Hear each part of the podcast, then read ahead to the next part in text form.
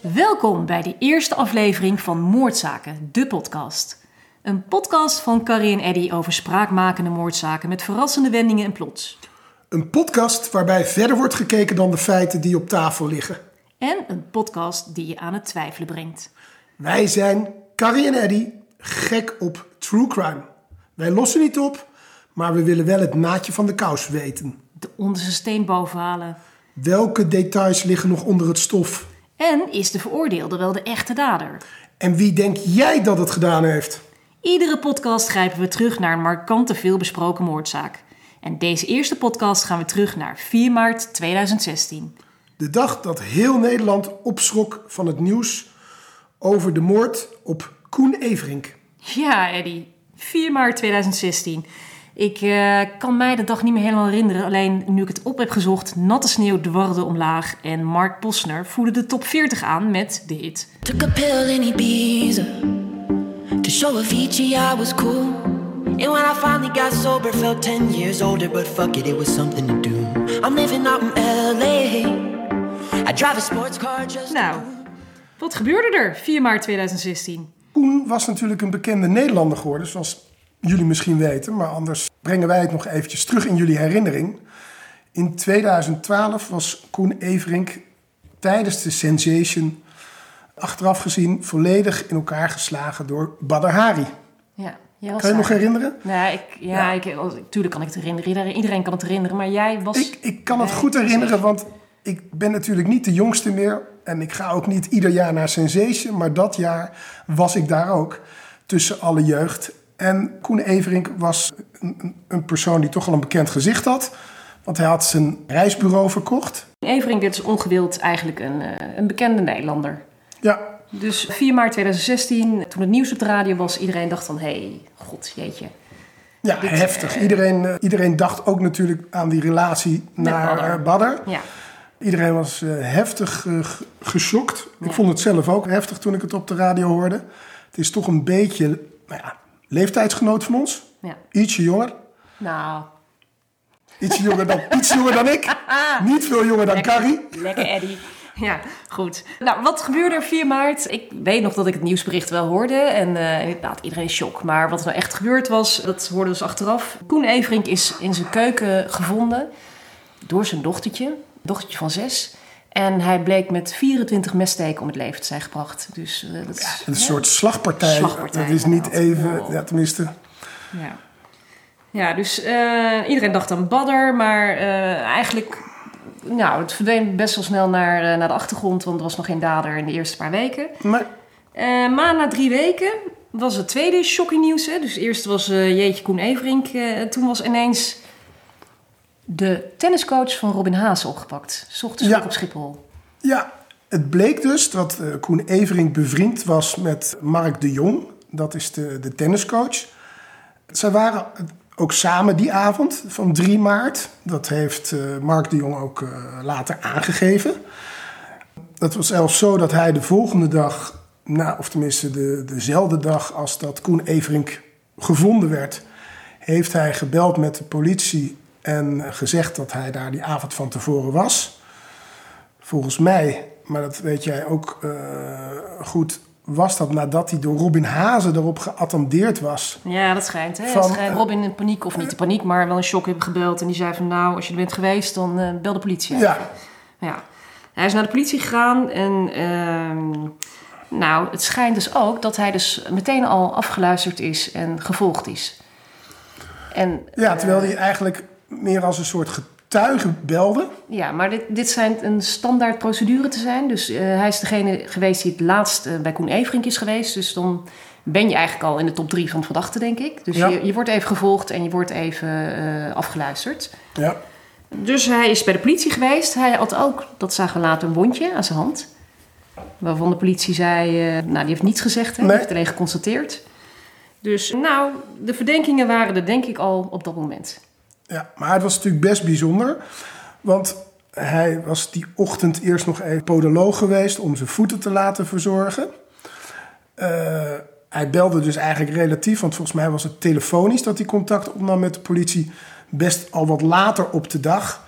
Terwijl het verdorie een van zijn goede vrienden was. En op zijn minst een vriend waar hij de avond van tevoren was geweest. Dus ik vind het best wel vreemd dat hij daar zo lang mee heeft gewacht. Want het was al breed uit in het nieuws. Het Ja. was 's ochtends, ja, de hele ochtend in het nieuws. Ja, best Vind ik vreemd. Ja, ik ook. Ik ook.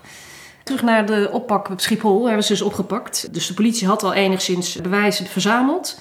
Ja, maar, er zat best veel tijd tussen. Ja, maar wat was het grootste bewijs? Blijkbaar is hij langer afgeluisterd geweest. Want hij heeft de dag voordat hij opgepakt is op Schiphol... heeft hij zijn moeder gebeld.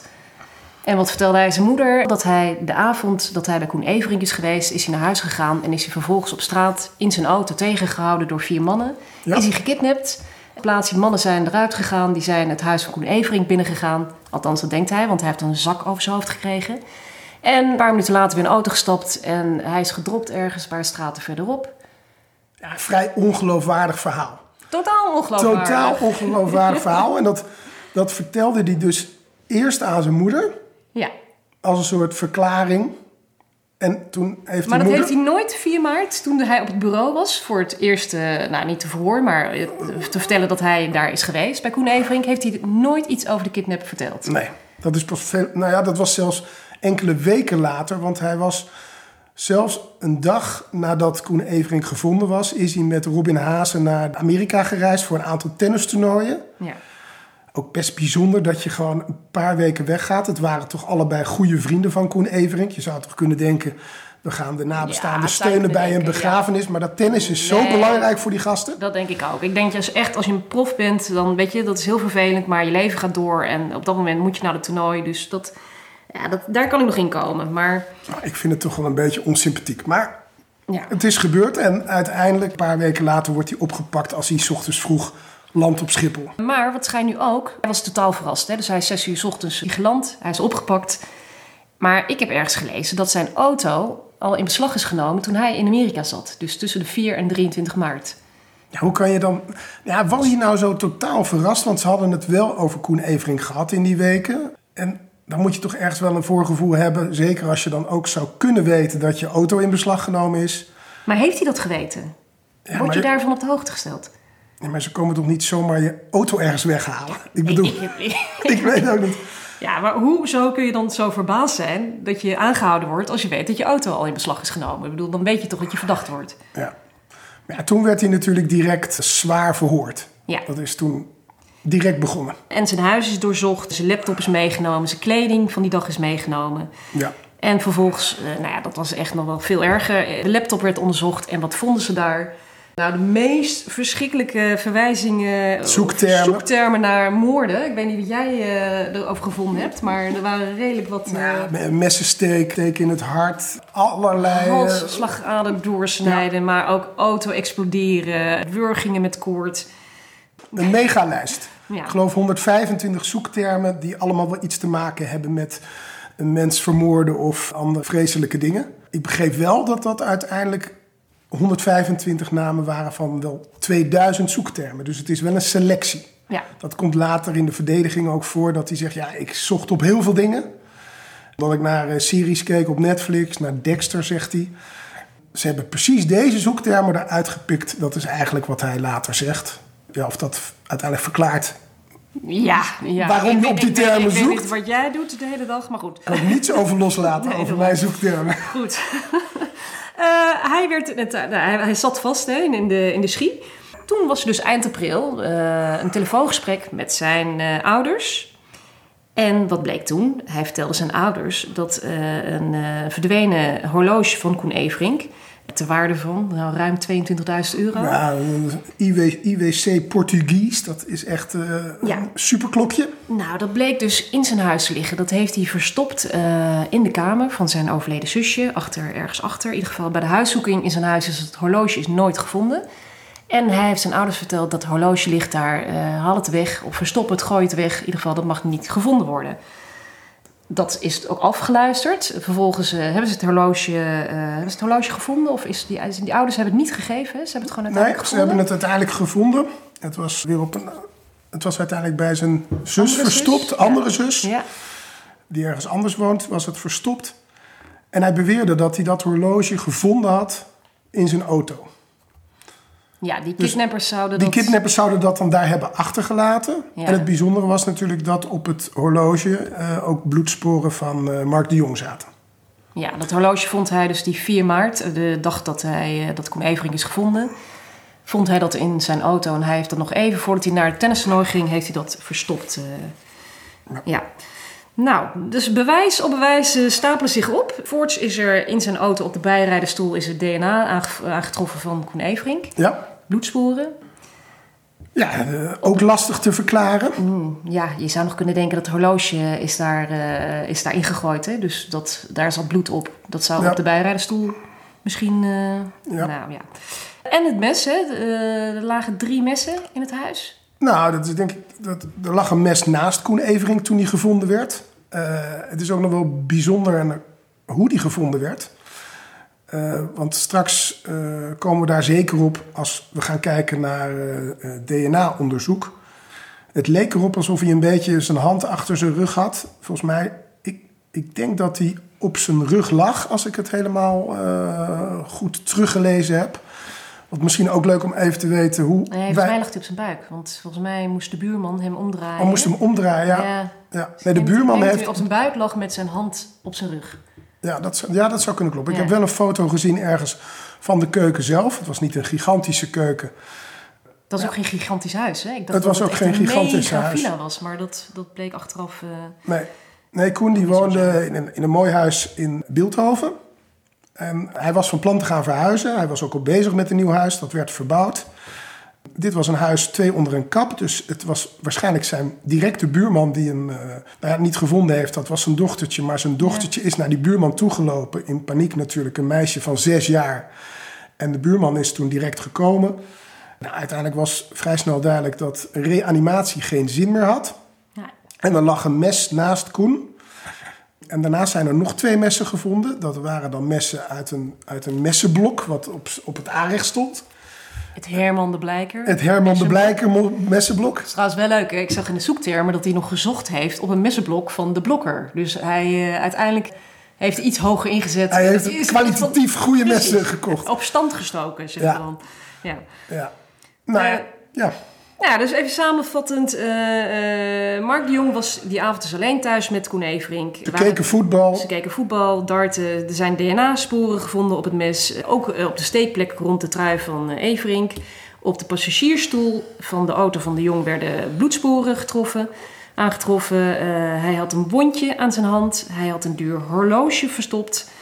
En er waren dus allerlei zoektermen op zijn computer die met de moord te maken kunnen hebben. En er was nog iets. Nou, ik, ik, ik denk dat het motief was heel belangrijk. Tenminste, dat heeft Zeker. uiteindelijk eh, de, de rechtbank eh, gezegd.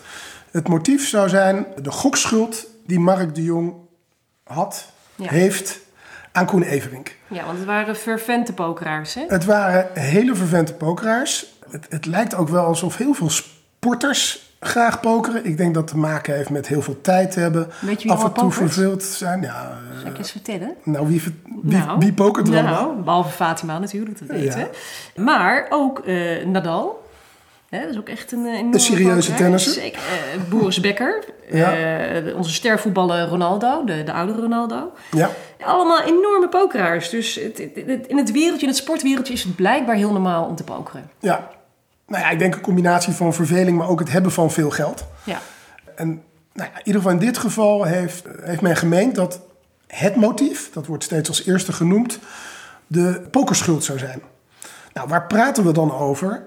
Daar zijn achteraf nog hele rechtszaken over gevoerd, maar het gaat om een bedrag van circa eh, 70, 80.000 euro. Jo. ja. En als je dan kijkt hoe dat, dat vond ik wel bijzonder.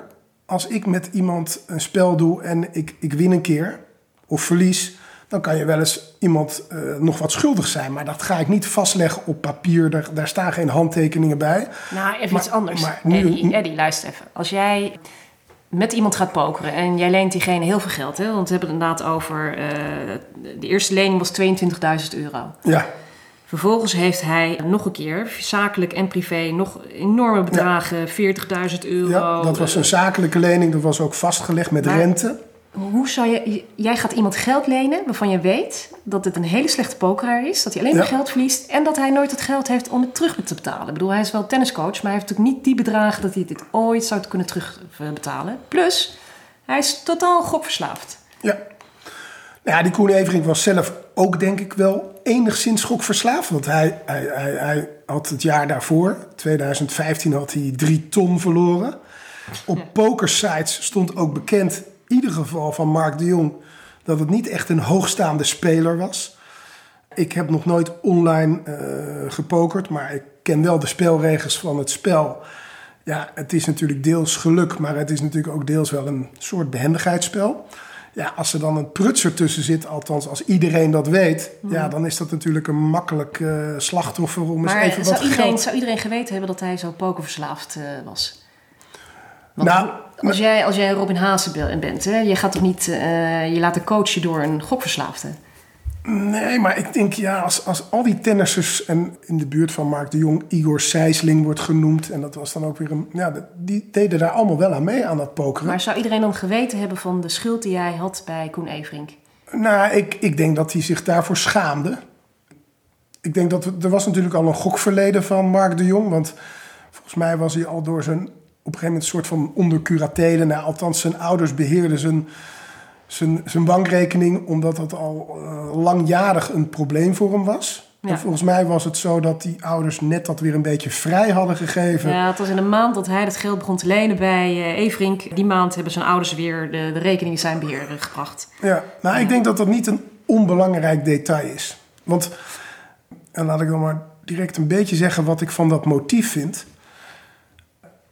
Is dat nou echt zo'n zwaarwegend motief? Want Koen Everink was ten eerste zelf een behoorlijk vermogende vent.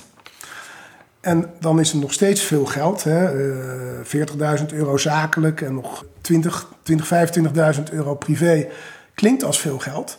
Maar Koen Everink stond bekend als iemand die echt succesvol was geweest met de verkoop van zijn bedrijf. Hij gokt zelf ook, dus hij weet hoe snel het kan gaan met gokken.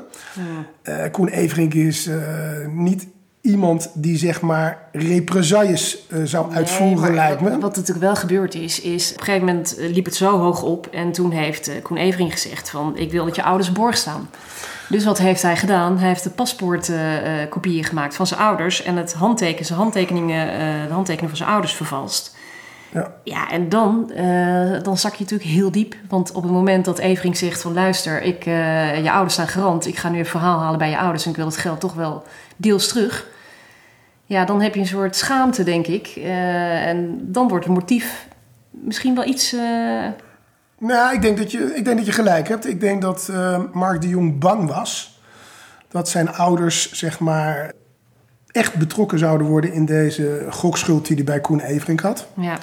Dus dat, dat denk ik ook. Dan is natuurlijk wel de vraag: ga je daarvoor iemand vermoorden? Dat is natuurlijk.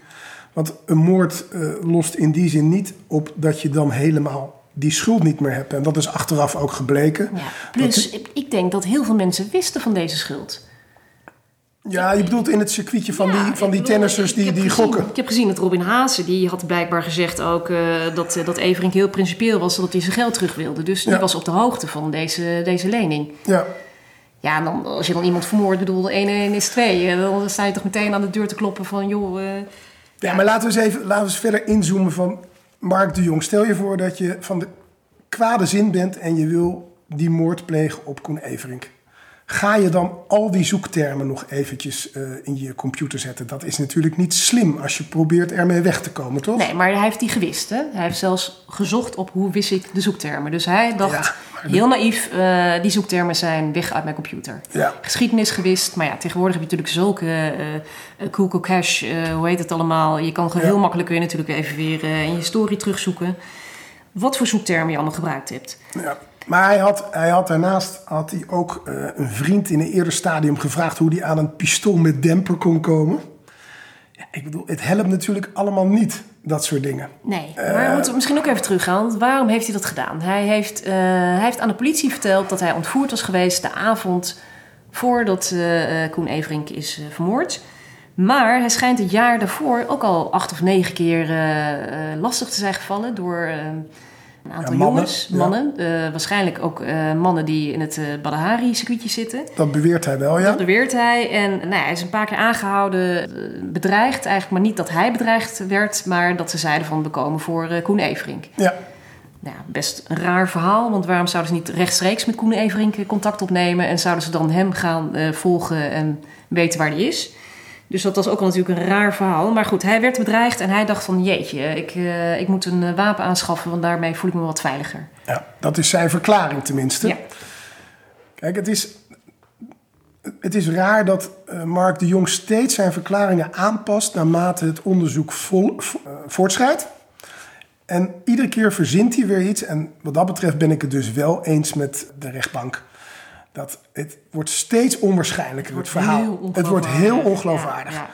En er is ook geen bewijs wat zijn eh, hele verhaal eh, ondersteunt. Nee, nee het is, het is, hij, hij heeft een alternatief scenario eh, bedacht wat, eh, wat hem niet helpt.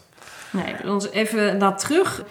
Eh, het is natuurlijk heel raar eh, dat die ontvoerders van die avond van 3 maart hem in het hele complot willen betrekken. Ik bedoel, waarom ga je in hemelsnaam iemand in de auto tegenhouden en eh, ontvoeren? Dat slaat natuurlijk helemaal nergens op. Hè? Je bent liever iemand eh, kwijt en rijk. Dus Maar ik denk, ik, ik zie daar toch nog wel iets van een kern van wat wel zou kunnen betekenen dat er andere mensen bij zijn. jawel, maar je gaat toch niet iemand... Maar niet in de ontvoeringsversie. Nee, dus dat, bedoel, dat, dat is niet kans, logisch. De kans dat jij met een bivakmuts op straat wordt aangehouden... of de- dat andere mensen jou zien, het, het, het gaat gewoon nergens over. Het slaat nergens op. Ik heb trouwens even uitgezocht. Het is echt een heel rustig straatje in eh Beeldhoven.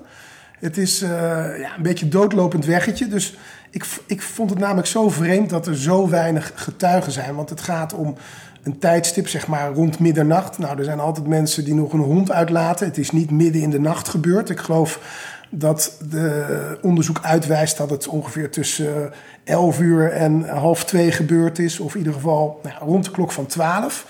Maar er zijn ongelooflijk ja, weinig getuigen. Maar dat Ja. is te verklaren omdat het echt een, ja, een, een bijzonder doodlopend straatje is. Weinig doorgaand verkeer.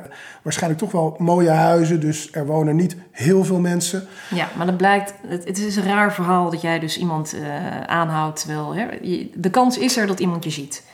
En over de ongeloofwaardigheid van zijn verklaringen. Het is natuurlijk ook heel raar. Je wordt ontvoerd die avond. De volgende ochtend hoor je op het nieuws dat jouw, eh, nou, een van je goede vrienden is vermoord. Als jij ontvoerd wordt die avond en je wordt weer vrijgelaten, dan app of dan bel je toch even naar je vriend van jongen. Gaat het ben je- allemaal ben je nog goed? Ja. Eh, Volgens mij. Ja. eh, maar niets. Hij heeft helemaal niets gedaan. Dus dat, is. Nee. Ja, Nee, maar ik denk dat we het erover eens zijn. wist trouwens, eh, een saillant detail, zijn dochtertje van zes lag boven te slapen. Ja. Alleen. En dat wist hij, want wist hij was er die avond.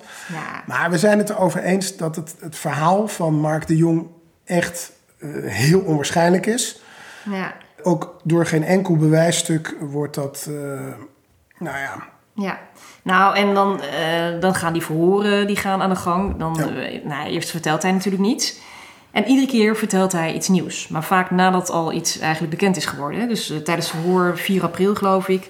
Toen werd echt gevraagd van, zijn er nog andere feiten? En toen heeft hij geantwoord dat hij tot alles tot in detail heeft verklaard.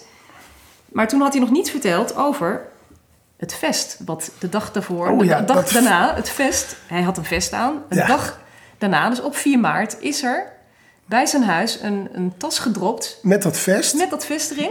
Met, een briefje erin ja, van de ontvoerders. nou, Met de boodschap, wat stond er ook alweer op? Ja, Eh, voor, voor het horloge komen we terug.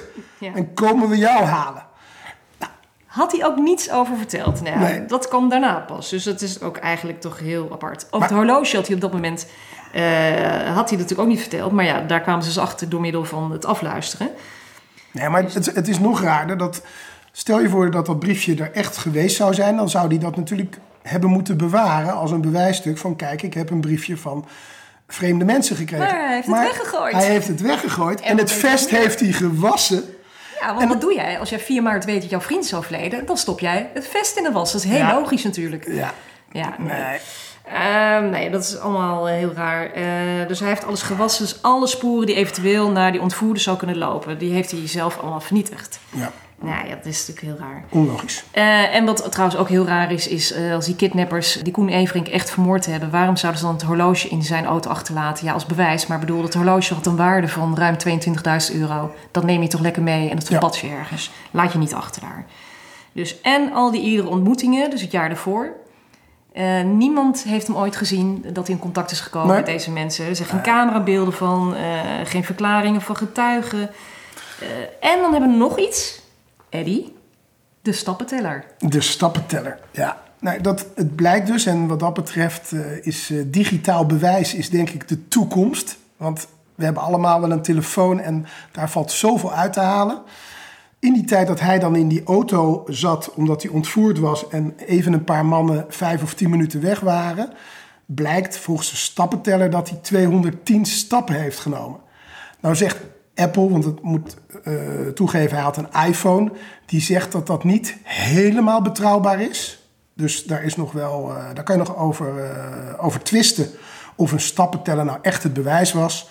Maar de rechtbank heeft in ieder geval aangenomen dat die stappenteller aangeeft dat hij niet op dezelfde plek gebleven is in die tijd dat hij beweert dat hij eh, vastgehouden werd in zijn auto. Ook weer niet sterk. Maar het hele verhaal van Mark de Jong, wat, het is Ja. wel grappig. Als je zijn eigen, en ik geloof dat ik dat zijn ouders hoorde zeggen, of, zijn, eh, of misschien eh, zijn zus, die zei: Nee, Mark kan dat allemaal niet verzonnen hebben, want dan zou hij een, ongeveer een Oscar moeten winnen voor een man met zoveel fantasie. Ja. Ja, dat is natuurlijk een mooie omgekeerde gedachte. Ja, we hebben namelijk helemaal niet over gehad, hè, over Mark de Jong zelf. Wat voor een eh, jongen dat was, of is eigenlijk. Hè? Ja, nou, het was een, dat, dat, dat is een beetje introvert kerel. Ja, wel een Eh, coole kikker. Heel ja, gefocust, hè? Hij, was ook een goede tennisser nou, zelf. sterker, hij was Nederlands kampioen in 2012. Ja, Iedereen heeft het over de trainer, maar hij was zelf natuurlijk echt Ja. een waanzinnig goede tennisser. hij kon wel een balletje slaan. Ja.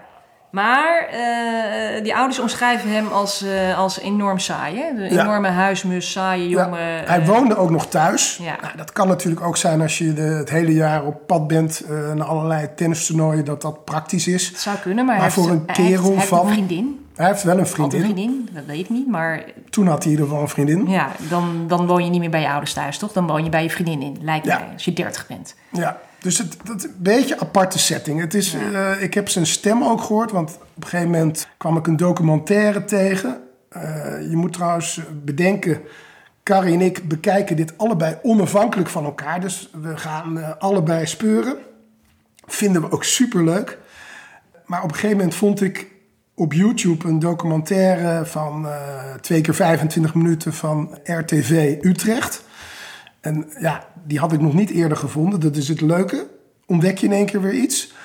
En het aardige van die documentaire is, daar laten ze eigenlijk zien hoe het in de rechtszaal eh, is gegaan. En ik denk dat we daar nog op komen, want er zijn eh, uiteindelijk twee advocaten geweest die Mark de Jong eh, verdedigd hebben. Daar vind ik nog wel wat van, van die advocaten. komen we nog op. Ik vind overal wat van, Kai. Maar het, het aardige is, dan hoor je ook even de, ja, de stemmen van de mensen. En ook van die Mark de Jong. Ja, ik vond het een beetje... Wat vond jij van die stem? Ik vond het een beetje jongensachtig, Ja, een beetje... Nou, eh, zoals meerdere mensen zeggen, hij is eigenlijk de laatste die, eh, die je belt om even een leuk avondje de kroeg Ja. in te gaan. Ja. Een heel serieuze, serieuze jongen. Dus, eh, maar wel met een gokprobleem. En ik denk dat dat de band is geweest die hij met, met Everink had. Want eh Everink was natuurlijk een hele flamboyante... Weet je wel, die Ja. was in voor een dolletje. Die ging eh, leuke dingen doen. En, eh, Ja. nou, Nou, dat, dat tennissen was voor Koen heel belangrijk geworden. Omdat hij in, in die tijd van revalideren van die enorme eh, ja, eh, mishandeling... Ja, Ja, zocht hij hij ging mee, iets. hè? Hij zocht iets... hij om- ging mee in alle toernooien. Ja, maar ook met de, de, ja, de stoere mannen. Hij, hij praatte met Djokovic. Hij was een beetje de, ja, de, de, de ballenraper. Hij eh, Ja, zorgde dat de rackets bespannen werden. Restaurantjes regelen. Regelde de rest. Ja, Maar hij was overal bij. Hij ging mee naar Australian Open, naar Ja, eh, hij reisde veel. Ja. ja, die hadden echt wel een band opgebouwd, die, eh, die jongens samen. Ik denk dat het goed is om even kort samen te vatten waar we staan. Mark de Jong is uiteindelijk veroordeeld voor 20 jaar. Eigenlijk op basis van het motief dat hij een gokschuld had bij Koen. En eigenlijk zijn eigen slechte verhaal het alternatieve scenario van de ontvoering, wat aan alle kanten ontkracht is. Ja, plus alle bewijzen. Ik bedoel, het stapelt op. Het stapelt op met Een bewijzen. horloge eh, van hem met bloedsporen, eh, sporen in de auto, alles. DNA op het mes. Nou, en nu is het natuurlijk interessant, wat heeft de verdediging van Mark de Jong nou gedaan om uiteindelijk te kijken of, of hij vrijgesproken kan worden? Want tot op de dag van vandaag beweert Mark de Jong nog steeds dat hij het niet gedaan heeft. Ja, hij ontkent. En Hij zijn, familie, ontkent. zijn familie gelooft hem ook. Die Ja. hebben een, een, een tipgeld uitgeloofd van Ja. 40.000 euro. Serie- serieus geld. Hulp van Peter R. de Vries ingeroepen. eh, dus die, Ja. die gelooft ook volledig in zijn onschuld. Ja. Maar de verdediging is wel interessant. Zijn eerste advocaat, en het geeft al aan dat er ook een tweede advocaat geweest is, was meneer, meneer Hogendam. En die heeft eigenlijk min of meer geëist dat er aanvullend DNA-onderzoek gedaan zouden worden. Ja. Nou, DNA-onderzoek is natuurlijk sowieso een complex iets. En er zijn in Nederland een aantal instanties die dat doen. Maar ja, een, aanvullend DNA-onderzoek. Want hij was van mening...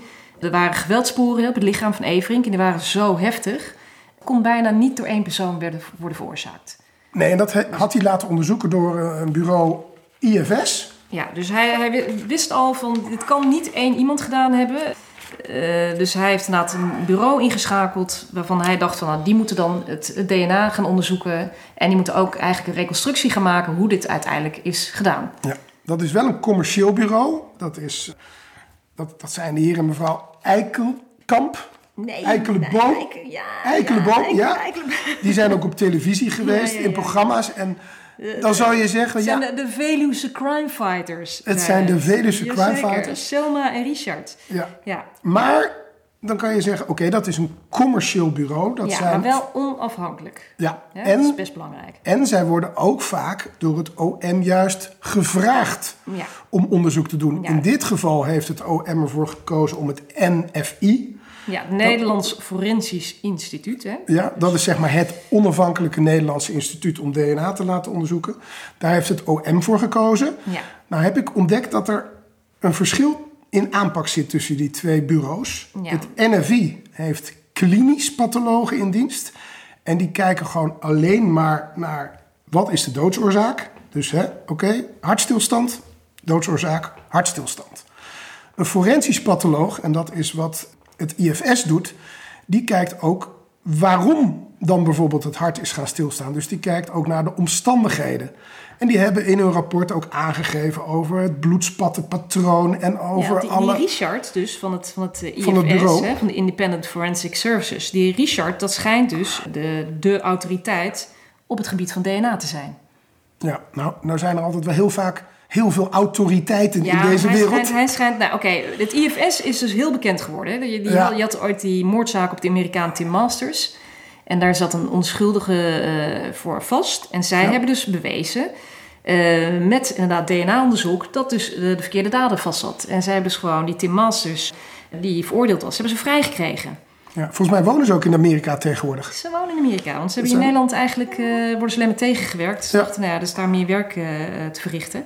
En ze hebben bijvoorbeeld ook onderzoek gedaan naar Nicole van der Hurk en naar Marianne Vaatstra. Dus Ja. het zijn echt geen onbekenden. Het zijn Nee. echt wel gerenommeerde eh, onderzoekers. Ja, maar het OM, en dat is misschien ook eh, wel te begrijpen, die kiest ervoor om het NFI eh, in te zetten. Want ja, die zeggen feitelijk wat zij graag willen horen. Namelijk Precies. dat aanvullend DNA-onderzoek eh, naar al die andere sporen niet zinvol is.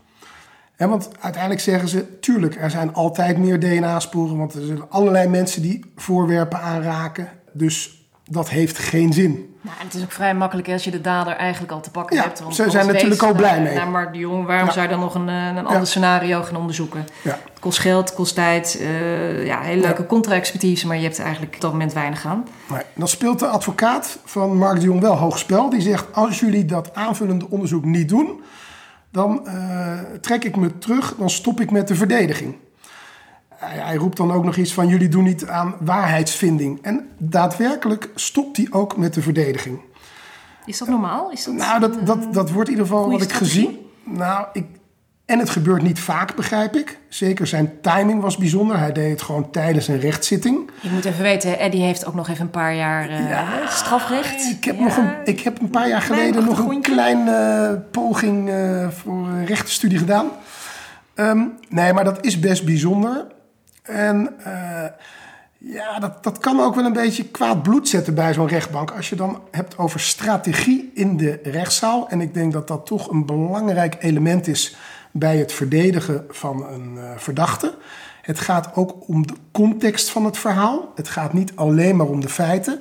Ja, als je dan de rechtbank tussen aanhalingstekens boos maakt, ja, het helpt je uiteindelijk niet. Nou, uiteindelijk komt er een andere advocaat, Bob Karels. Ja, Eh, ze lijken wel een beetje op elkaar, vond lijken ik. in elkaar. Ja, en die, die Hoogdam, die, die doet geen stap terug eigenlijk. Die, eh, Blijft meekijken. Die blijft gewoon meekijken. En zelfs volgens mij zijn eigen, op eigen kosten, die is helemaal in die zaak eh, Ja. geklommen. En die is ook volledig van mening dat inderdaad Mark de Jong onschuldig vastzit. Ja. Dus ze hebben inderdaad door het IFS hebben ze dus een, een contra-expertise laten doen. En wat komt daaruit? Zij denken dus dat Everink inderdaad door meerdere personen is vermoord. Nou, dat het eigenlijk niet anders kan. Nee, ze hebben conclusie na DNA-onderzoek, analyse van bloedspoorpatronen, verwondingen en door die atypische houdingen. Ja. Dus hij ligt op zijn buik met zijn Maar wat denk jij zelf. Carrie? Wat denk jij, Carrie? Nou ja, ik denk als ik iemand vermoord. Je neemt een mes mee, hè, want er is een mes meegenomen, maar er liggen drie messen. Ja, eh, kijk, dat Koen Everink zichzelf heeft verweerd met een mes, dus dan heb je twee messen. Ja. Maar ook nog een derde mes. Die Everink was ook best wel fors, hè. Ik bedoel, Ja. was, was geen klein, hij was wel klein, maar niet... eh, Stevige man. ja, ik, ik weet het niet, Eddie. Ik denk echt, jeetje. Nee, dat... ehm, ik weet het echt niet. Ik vind het heel erg lastig. Maar goed, naarmate Nou ja, ik meer ben gaan, gaan zien... Ik heb ook... eh, er is een filmpje over, hè, de reconstructie. Ja. In die kleine keuken. Ja, het is vrij moeilijk om iemand een hand op zijn rug eh, te houden... en vervolgens in zijn borst te steken. En er lag ook nog een handdoek bij. Dus waarschijnlijk is hij ook nog een keer gesmoord. Nou, daar heb je al twee handen voor nodig. Dus... ehm, ja, ik, ik zou wel in de twijfel zijn als rechter. En ik zou toch denken van, goh, ze hebben inderdaad een puntje, IFS. Misschien moeten wij inderdaad laten onderzoeken wat inderdaad ook gebeurd kan zijn. Ja, want ik denk, we vergeten steeds dat er eigenlijk drie scenario's zijn. Je hebt natuurlijk het scenario waarin Mark de Jong het in zijn eentje heeft gedaan. Je hebt het scenario, eigenlijk wat hij beweert, andere mensen hebben het gedaan. Ja, de kid- de ontv- kid- de kidnappers. ontvoerders. Ja, Maar het scenario waarin er een, eh, Mark de Jong het met iemand of andere mensen heeft gedaan, ja, dat zou natuurlijk ook kunnen. En dan vraag je je natuurlijk af, ja, is dat waarschijnlijk? nou, ik, ik, ik denk dat er wel. Ja, ik, ik zie daar wel aanknopingspunten. Want uiteindelijk is het zo: Mark de Jong die heeft een schuld. Die kan hij niet betalen. Het is voor hem een hele grote schuld. Het is voor Koen een principeschuld meer. Want ik denk dat Koen het wel kon permitteren. Maar uit principe vindt hij dat het terug moet komen. Mark ja, de Jong is niet het type voor om dit te doen. Dat staat in alle verklaringen. Nee, en, en, Maar zo, vind, dat, zo oogt hij ook niet. Nee. Het is toch een beetje, ja, een, tussen aanhalingstekens, een jongetje nog. nou, eh, laten wij eens uitgaan van scenario 3. Ja, nou, waarom zou dat kunnen? Ik denk dat er ook andere mensen zijn die iets kwaads zouden kunnen willen met Koen Everink. Hij had immers natuurlijk het verleden met Badr Hari. Het was een langslepende zaak geworden. En uiteindelijk, toen hij die zaak won, althans Badr Hari bleek uiteindelijk degene te zijn die hem had verwond, is er ook een claim gekomen uit de hoek van Koen Everink. Een serieuze claim. Ook een bedrag volgens mij van 70, 80.000 euro. Ja, nou, ik denk niet eens dat het alleen om de claim gaat. Het is gewoon de, de, de Principe. schade, hij wilde gewoon, Ja. de, de, de, hij wilde gewoon, hij vond de straf van Badr Hari, dat was Ja. eh 24 maanden, maar dat was 10 maanden voorwaardelijk. Dus dat was 14 maanden de cel in. En er was al 8 maanden voor arrest. Uiteindelijk moest Badr Hari nog maar 6 Nou maanden goed, jij denkt dus zitten. eigenlijk bij scenario 3 dat de, de, de, de zogenaamde kidnappers, in ieder geval de, de andere mannen, dat dat eigenlijk de aanhangers van Bad Hari Nou, ik denk dat hoeft Badr niet Hari eens, hoeft daar helemaal niet zelf iets mee te Nee, maken dat- te hebben. dat Want die heeft, die heeft over de hele wereld, althans Nederland en Marokko, Ja. heel veel fans. Maar goed, er, er zijn wel er zijn getuigen geweest eh, in de buurt. Ja, Die dus wel in de week voor de moord twee lichtgetinte jongens voor het huis hebben zien staan van Everink. ja. Eh, er schijnt ook een auto op de avond van de moord op een ongebruikelijke plek geparkeerd eh, te hebben gestaan met een draaiende motor. En is nog een derde getuige en die heeft verklaard dat ze twee mannen rond half twaalf hebben horen praten in de tuin van Everink. Ja, maar niet hard praten, maar een beetje op, op fluistertoon, toch? Ja, dat staat niet bij, maar Nou, goed, dat- dat- hard genoeg in ieder geval dat je, dat je het Ja, kan horen. ja maar niet schreeuwend. Niet schreeuwen, nee. Dus, dus laat ik zo zeggen, dat waren niet mensen die op dat moment in, in gevecht met elkaar waren of iets. Dat waren mensen die Ja. gewoon met elkaar praten.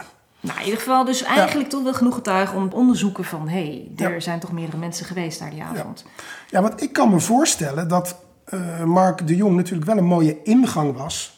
Letterlijk en figuurlijk. Hij kon de deur open laten staan. Er zijn ook geen braaksporen gevo- gevonden in de, in de woning van eh Heeft de buurman Everink. verklaard, hè? De buurman verklaarde de volgende dag dat Ja. en de voordeur en de achterdeur niet op slot waren. Ja.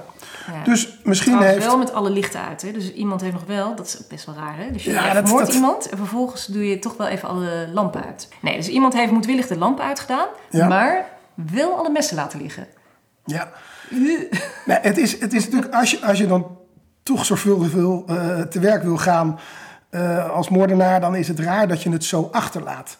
Alleen je zou kunnen bedenken dat er andere mensen waren en die hebben het dan eigenlijk wel goed geregeld. Want nu wordt de schuld volledig naar Mark de Jong geschoven. Ja, als het andere mensen bij betrokken zijn geweest, hebben ze het eigenlijk heel slim gedaan. Want ze hebben Mark de Jong op een of andere manier in hun kamp gekregen. Ja. Misschien door hem geld te beloven of te betalen, Nou, waarmee hij zijn gokschuld kon eh, aflossen. Het jaar daarvoor is hij ze een paar keer benaderd, daar Ja. hebben we het net over gehad. En hij heeft ook gezegd dat eh, tijdens die benaderingen is hem eh, geld eh, geboden. Ja, Dus ik denk inderdaad, misschien heeft hij dat. Hij heeft die schulden gehad en hij heeft deze jongens, waar hij ja gefaciliteerd. Maar misschien, eh, Want- dingen lopen altijd anders dan dat je denkt. Dus misschien dacht hij, ik hoef alleen maar de deur open te zetten. Maar misschien stond hij er nog toen de mannen binnenkwamen. En was hij uiteindelijk getuige of nog steeds even- onderdeel van het geheel. Als jij een moord pleegt, dan bereid je die voor. Ja. Want dit is ook moord met voorbedachte raden. Dus hij heeft gedacht van ik ga vandaag, eh, vanavond ga ik naar Koen Everink en ik ga hem vermoorden. Dus dan, dan bereid je een moordzaak heel goed voor.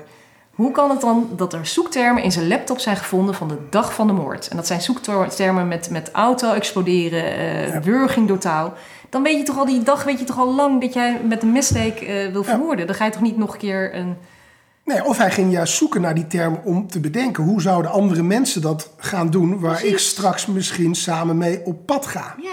Want hij had ook al... Hij is bedreigd geweest en ze hebben gezegd: we pakken Koen Evering vandaag. En hij, misschien wilde hij wel niet eens meedoen, maar is hij gedwongen Ja, tot. Ja, dat, dat, laat ik zo zeggen. Ik vind dat een scenario wat op zijn minst beter uitgewerkt had kunnen worden.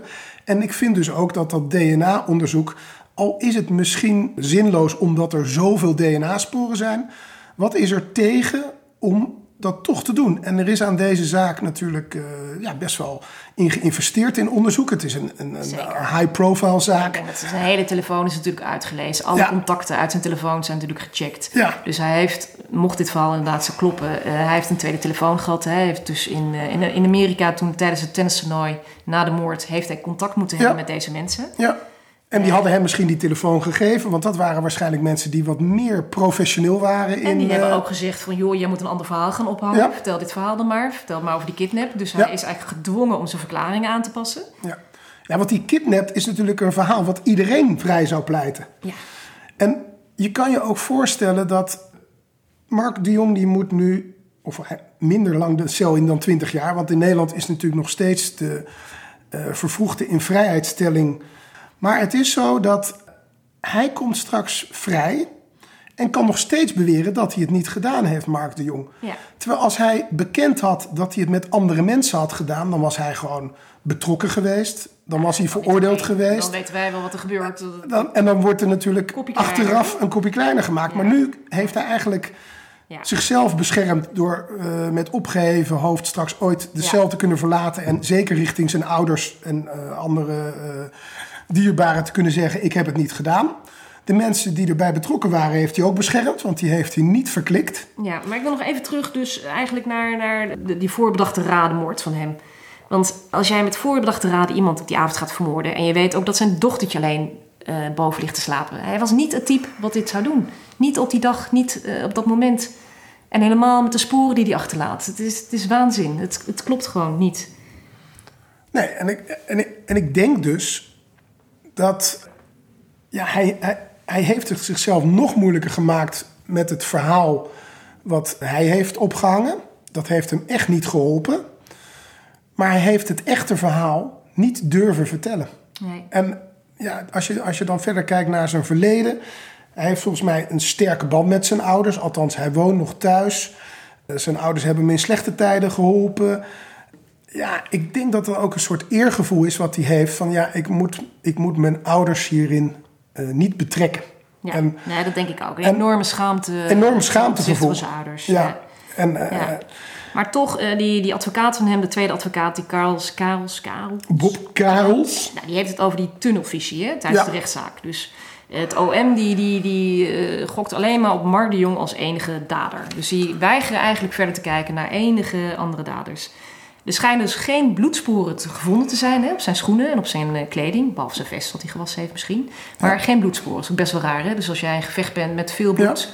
dat er geen enkel spoor eh, op jouw kleding is terechtgekomen of op je schoenen. Nee, dat zou natuurlijk wel kunnen zijn als je er in de buurt bent, maar niet eh, zelf de fatale messteken Ja, dus er zitten eigenlijk zitten er te veel losse puntjes die niet onderzocht zijn. Ja. En zijn sterke ontkenning en het feit dat als je het voorbereidt, dat je het echt zo slecht hebt voorbereid, dat ik echt wel mijn twijfels heb. Had ik Ja. niet aan het begin, hè, toen ik dit ging onderzoeken, dacht ik, nee, hij heeft het zeker gedaan. Ik bedoel, al die bewijzen zijn er.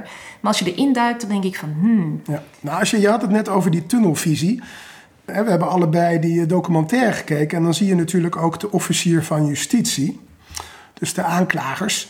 Ja, die zijn ook heel erg gefocust op het in de cel houden en het veroordelen van Mark de Jong. Ja, ik weet ze, niet wel, of... ze zien er wel mooi uit. Hè? Ja, ze, ze, matchen, dit- ze matchen hun Ja, kleding. ik, ik, eh. ik kreeg er jeuk van, Carrie. Het zijn, het zijn twee dames die in een, een soort roze pakje... Nee, als respect voor Ja. de officiers van justitie. Maar goed, Nee, maar ik, ik, vond, ik vond het ook wel best wel bijzonder dat zij eh, zoveel uitspraken daarover deden. Nou, eh, ook zij, ze hadden alleen maar gefocust op Mark de Jong. Weet je, het was alsof ze hem echt achter die tralies moesten zien te krijgen. Er was geen enkele andere optie mogelijk. Maar Nou ja, er is natuurlijk heel veel onderzoek gedaan, dat geloof ik ook wel. Maar ik denk dat er heel veel is blijven liggen. ja, misschien moeten we afsluiten met bijzondere details. Ja. Er zijn natuurlijk nog wel een paar ja, gekke en bijzondere dingen te noemen. Tenminste, ja, ik, ik vind het nog steeds een zaak waar, waarvan ik denk... er zit toch nog meer in dan, eh, dan we nu weten. Ja, zeker. Dus nou, dat moet de toekomst leren. Het is overigens wel helemaal afgerond. Het is een hoger beroep. eh, dat, dat- dat- gewoon veroordeeld. Ja, eh, wat, wat vond jij... Wat is jou nog een gek detail wat je bijgebleven is? Nou, wat, Of- ik, wat ik dus raar blijf vinden, zijn die zoektermen op die dag van de moord. Dat jij dus zoektermen eh, intoetst over auto exploderen, eh, wurging met koord en andere dingen. Tenminste, ik ga ervan uit dat dat die dag ingetikt is. Als dat inderdaad zo is, ja, dan is het heel raar dat jij op dat moment nog niet weet hoe je iemand vermoordt. Nee. Nou ja, ik... Plus, waarom ga jij iemand vermoorden en weet de politie meteen, jij bent de laatste die daar binnen is geweest, dus alle verdenkingen gaan meteen naar jou toe. Je laat de moordwapens achter met jouw DNA erop. Het, ja, is hij dan heel dom? Is hij heel naïef? Ik geloof het niet. Lekker, Carrie. Je zegt dus eigenlijk dat Mark de Jong een hele slechte pokeraar is. Ik ben het helemaal met je eens. Maar denk jij daar anders over? Dan kan je ons dat laten weten via Instagram of Twitter. Kijk op Moordzaken Podcast.